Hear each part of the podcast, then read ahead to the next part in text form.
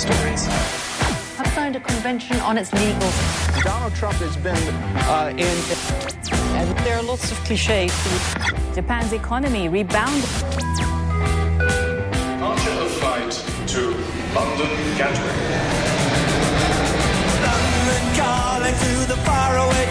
John Carlin, bon dia. Buen día, Roger. Com estàs, John? Què tal? Bien, bien, todo bien. Un bonito día aquí en Londres, eh, para variar. Mm. Doncs aquí estem amb el tema Julian Assange. Uh, vosaltres, uh, ha estat evidentment el tema de la setmana també a Londres i, i el món us mira uh, pendents de, de, de què farà Londres exactament amb, amb Assange, no? Bueno, eh, a ver, Assange. Assange es una persona que me, me, me- me provoca cierta confusión. Por un lado, me parece que ha hecho muchas cosas, eh, ha hecho cosas admirables. El, Wikileaks fue algo interesante, bueno, fue algo que marcó época, la verdad. Eh, conseguir obtener todos esos documentos secretos y que después se publicaron en New York Times y muchos periódicos más en el mundo.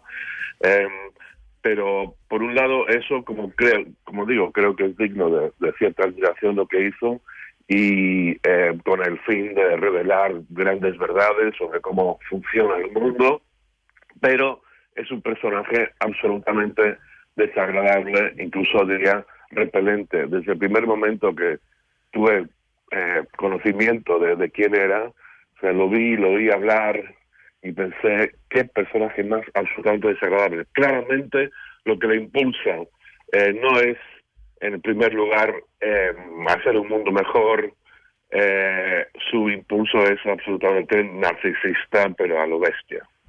De fet, deien que aquests últims uh, mesos o aquests últims anys uh, Assange s'havia convertit en una persona molt dèspota um, i que tractava malament el personal de, de, de l'ambaixada de l'Equador a Londres, no?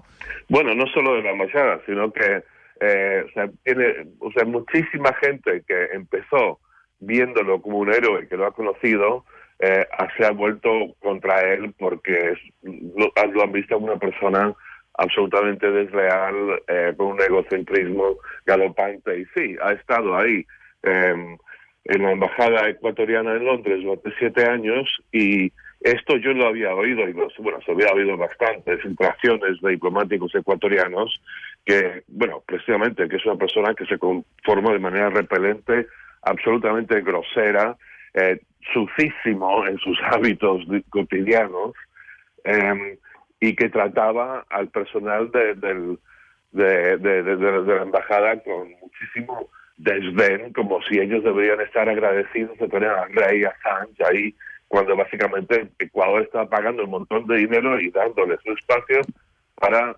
eh, protegerlo según una decisión suya. Él fue el que se metió ahí. O sea que no solo eh, una persona tremendamente egocéntrica, sino que tonto. O sea, no es forma de, de- sea, no, no es inteligente cuando tratar a tu anfitrión eh, de esta manera y menos cuando dependes de tu anfitrión para, según él, para su seguridad. Mm. La pregunta és per què ara l'Equador ha dit prou, no? També perquè no acabem d'entendre per què, per què s'ha acabat i per què, mm, evidentment, ara els Estats Units eh, el reclama i sembla que haurà de passar una bona temporada a la presó de Londres. Però per què, per què s'ha acabat eh, aquests privilegis, en aquest cas, a, a, Bueno, mira, para empezar, es un es un eh, gobierno ahora en, en Ecuador de otra línea ideológica. Fue hace siete años cuando metieron este Rafael Correa, que era parte de la corriente bolivariana, solidaria, eh, con el antiimperialismo que supuestamente representaba Trump, y ahora hay alguien que es mucho menos simpatizante eh, de esa línea, por un lado, y, y por otro, eh, obviamente ha habido mucha presión de parte del gobierno británico y de, Estados Unidos, diplomático, aparte de su eh, desagradable comportamiento. Eh, y también hay una cosa que hay que dejar muy claro, que la gente que, y son menos y menos, que sigue creyendo en, Julian Assange como una especie de personaje eh, heroico, eh, ha intentado dar la impresión de que se, se refugió en la embajada ecuatoriana en Londres eh, por una cuestión de libertad de expresión, porque, Mm. por- porque lo buscaban por tema Wikileaks. No olvidemos que él se refugió en la embajada porque se había tomado una- una decisión de extraditarlo a Suecia para responder acusaciones de asalto sexual. Nada más y nada menos. Fue por eso que, que, se, que, se, que logró el asilo diplomático en, en la Embajada de Ecuador. Um, creus que finalment um, serà extraditat als Estats Units? Ah, no sé, o sea, ahora de repente eh, se pensaba que el tema sueco había desaparecido. Puede ser que en primer lugar vaya a Suecia. Lo más seguro es que va a pasar un tiempo en la cárcel en Londres, especialmente por haber eh, evadido este pedido de extradición. Violó la ley británica en eso.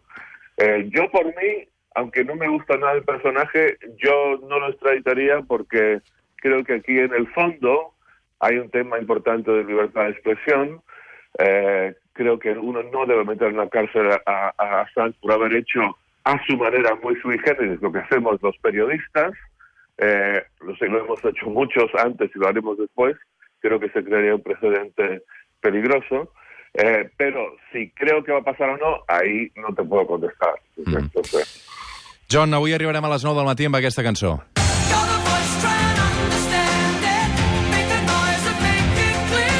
You are the voice del britànic John Farnham. John Carlin, una abraçada ben forta. una abrazada, adiós.